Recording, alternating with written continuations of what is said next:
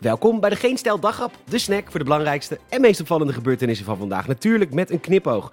Met vandaag, kabinet neemt schulden gedupeerden toeslagen affaire over. Pieter Omtzigt langer uit de running en FVD behandelt medewerkers precies zoals je het zou verwachten. Mijn naam is Peter Bouwman, dit is het nieuws van dinsdag 25 mei.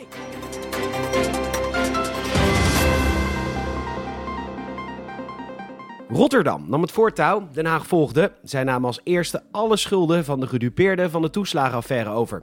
En nadat vandaag de ombudsman zijn zorgen uitte over de afhandeling van het debakel, volgt nu ook het kabinet. Dit deden ze eerder voor 900 gedupeerden, maar dat wordt dus uitgebreid naar de naar schatting 20.000 slachtoffers. En dit komt bovenop de 30.000 euro die de gedupeerden vaak nog moeten krijgen. Want staatssecretaris Van Huffelen laat bij de staatsomroep weten dat dat geld echt bedoeld is om een nieuwe start te kunnen maken.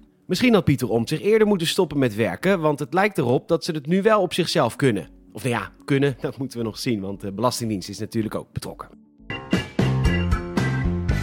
Dat moet het kabinet maar even volhouden, want Pieter Omt zichzelf komt voorlopig niet terug. Hij zit overspannen thuis en hij zal in ieder geval de komende 16 weken niet terugkeren. Henry Bontebal, die je kent van nou ja, die ken je niet, die zal zijn plaats tijdelijk innemen. De reden dat het herstel niet zo vlot maakt hij via Twitter ook duidelijk. Het ging nogal vaak over hem. Quote: Zowel een aantal plenaire kamerdebatten die net iets te veel over mij gingen en niet over de zeer urgente problemen van Nederland, als ook een lange reeks artikelen, optredens en speculatie in de media over mij gaven mij ook niet echt enige mate van rust. En dat is natuurlijk ook niet handig. Dat als je als leraar overspannen thuis zit en je op televisie constant die teringkinderen voorbij ziet komen, ja, dan kom je niet tot rust. Volgens CDA-voorman Wopke Hoekstra verandert dit niks aan de formatie. En dat klopt, die stond de afgelopen maanden stil en dat zal ook nog wel even zo blijven.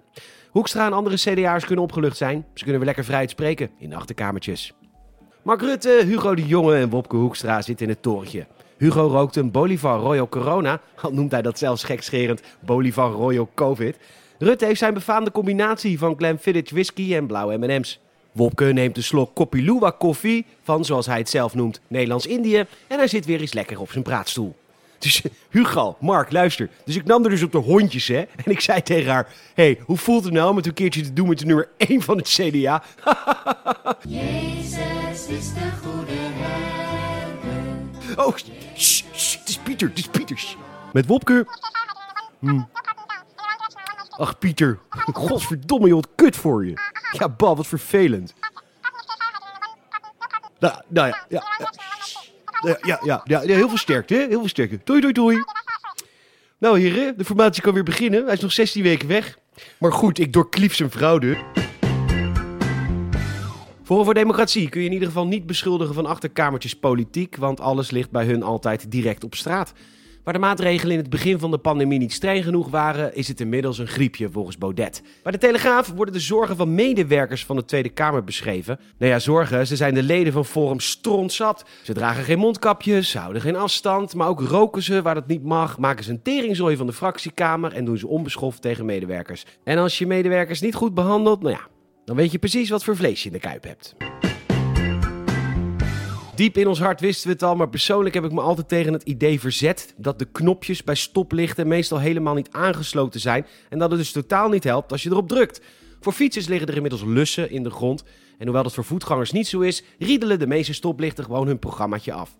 Verkeersdeskundige Luc Misdom meldt bij het AD zelfs dat vaker drukken niet werkt en dat harde drukken ook niet werkt. Wat ik niet snap, want als je de tijd tussen drukken en groen licht berekent, is die toch overduidelijk langer vanaf de eerste keer dat je drukt dan opzichte van de laatste keer dat je drukt. Bij mijn laatste veel te harde druk is het, is het een kwestie van een paar seconden meestal. Fake news, ik blijf drukken.